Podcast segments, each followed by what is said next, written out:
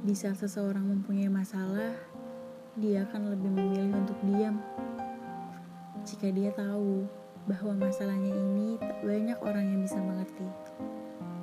Terkadang, diam adalah cara terbaik untuk tetap bisa kuat dan tetap tersenyum walau rasanya berat. Dan terkadang, banyak orang yang hanya ingin tahu, tapi bukan mau bantu. Di saat itulah kamu akan mengerti bahwa tak selamanya diam akan menyakitkan.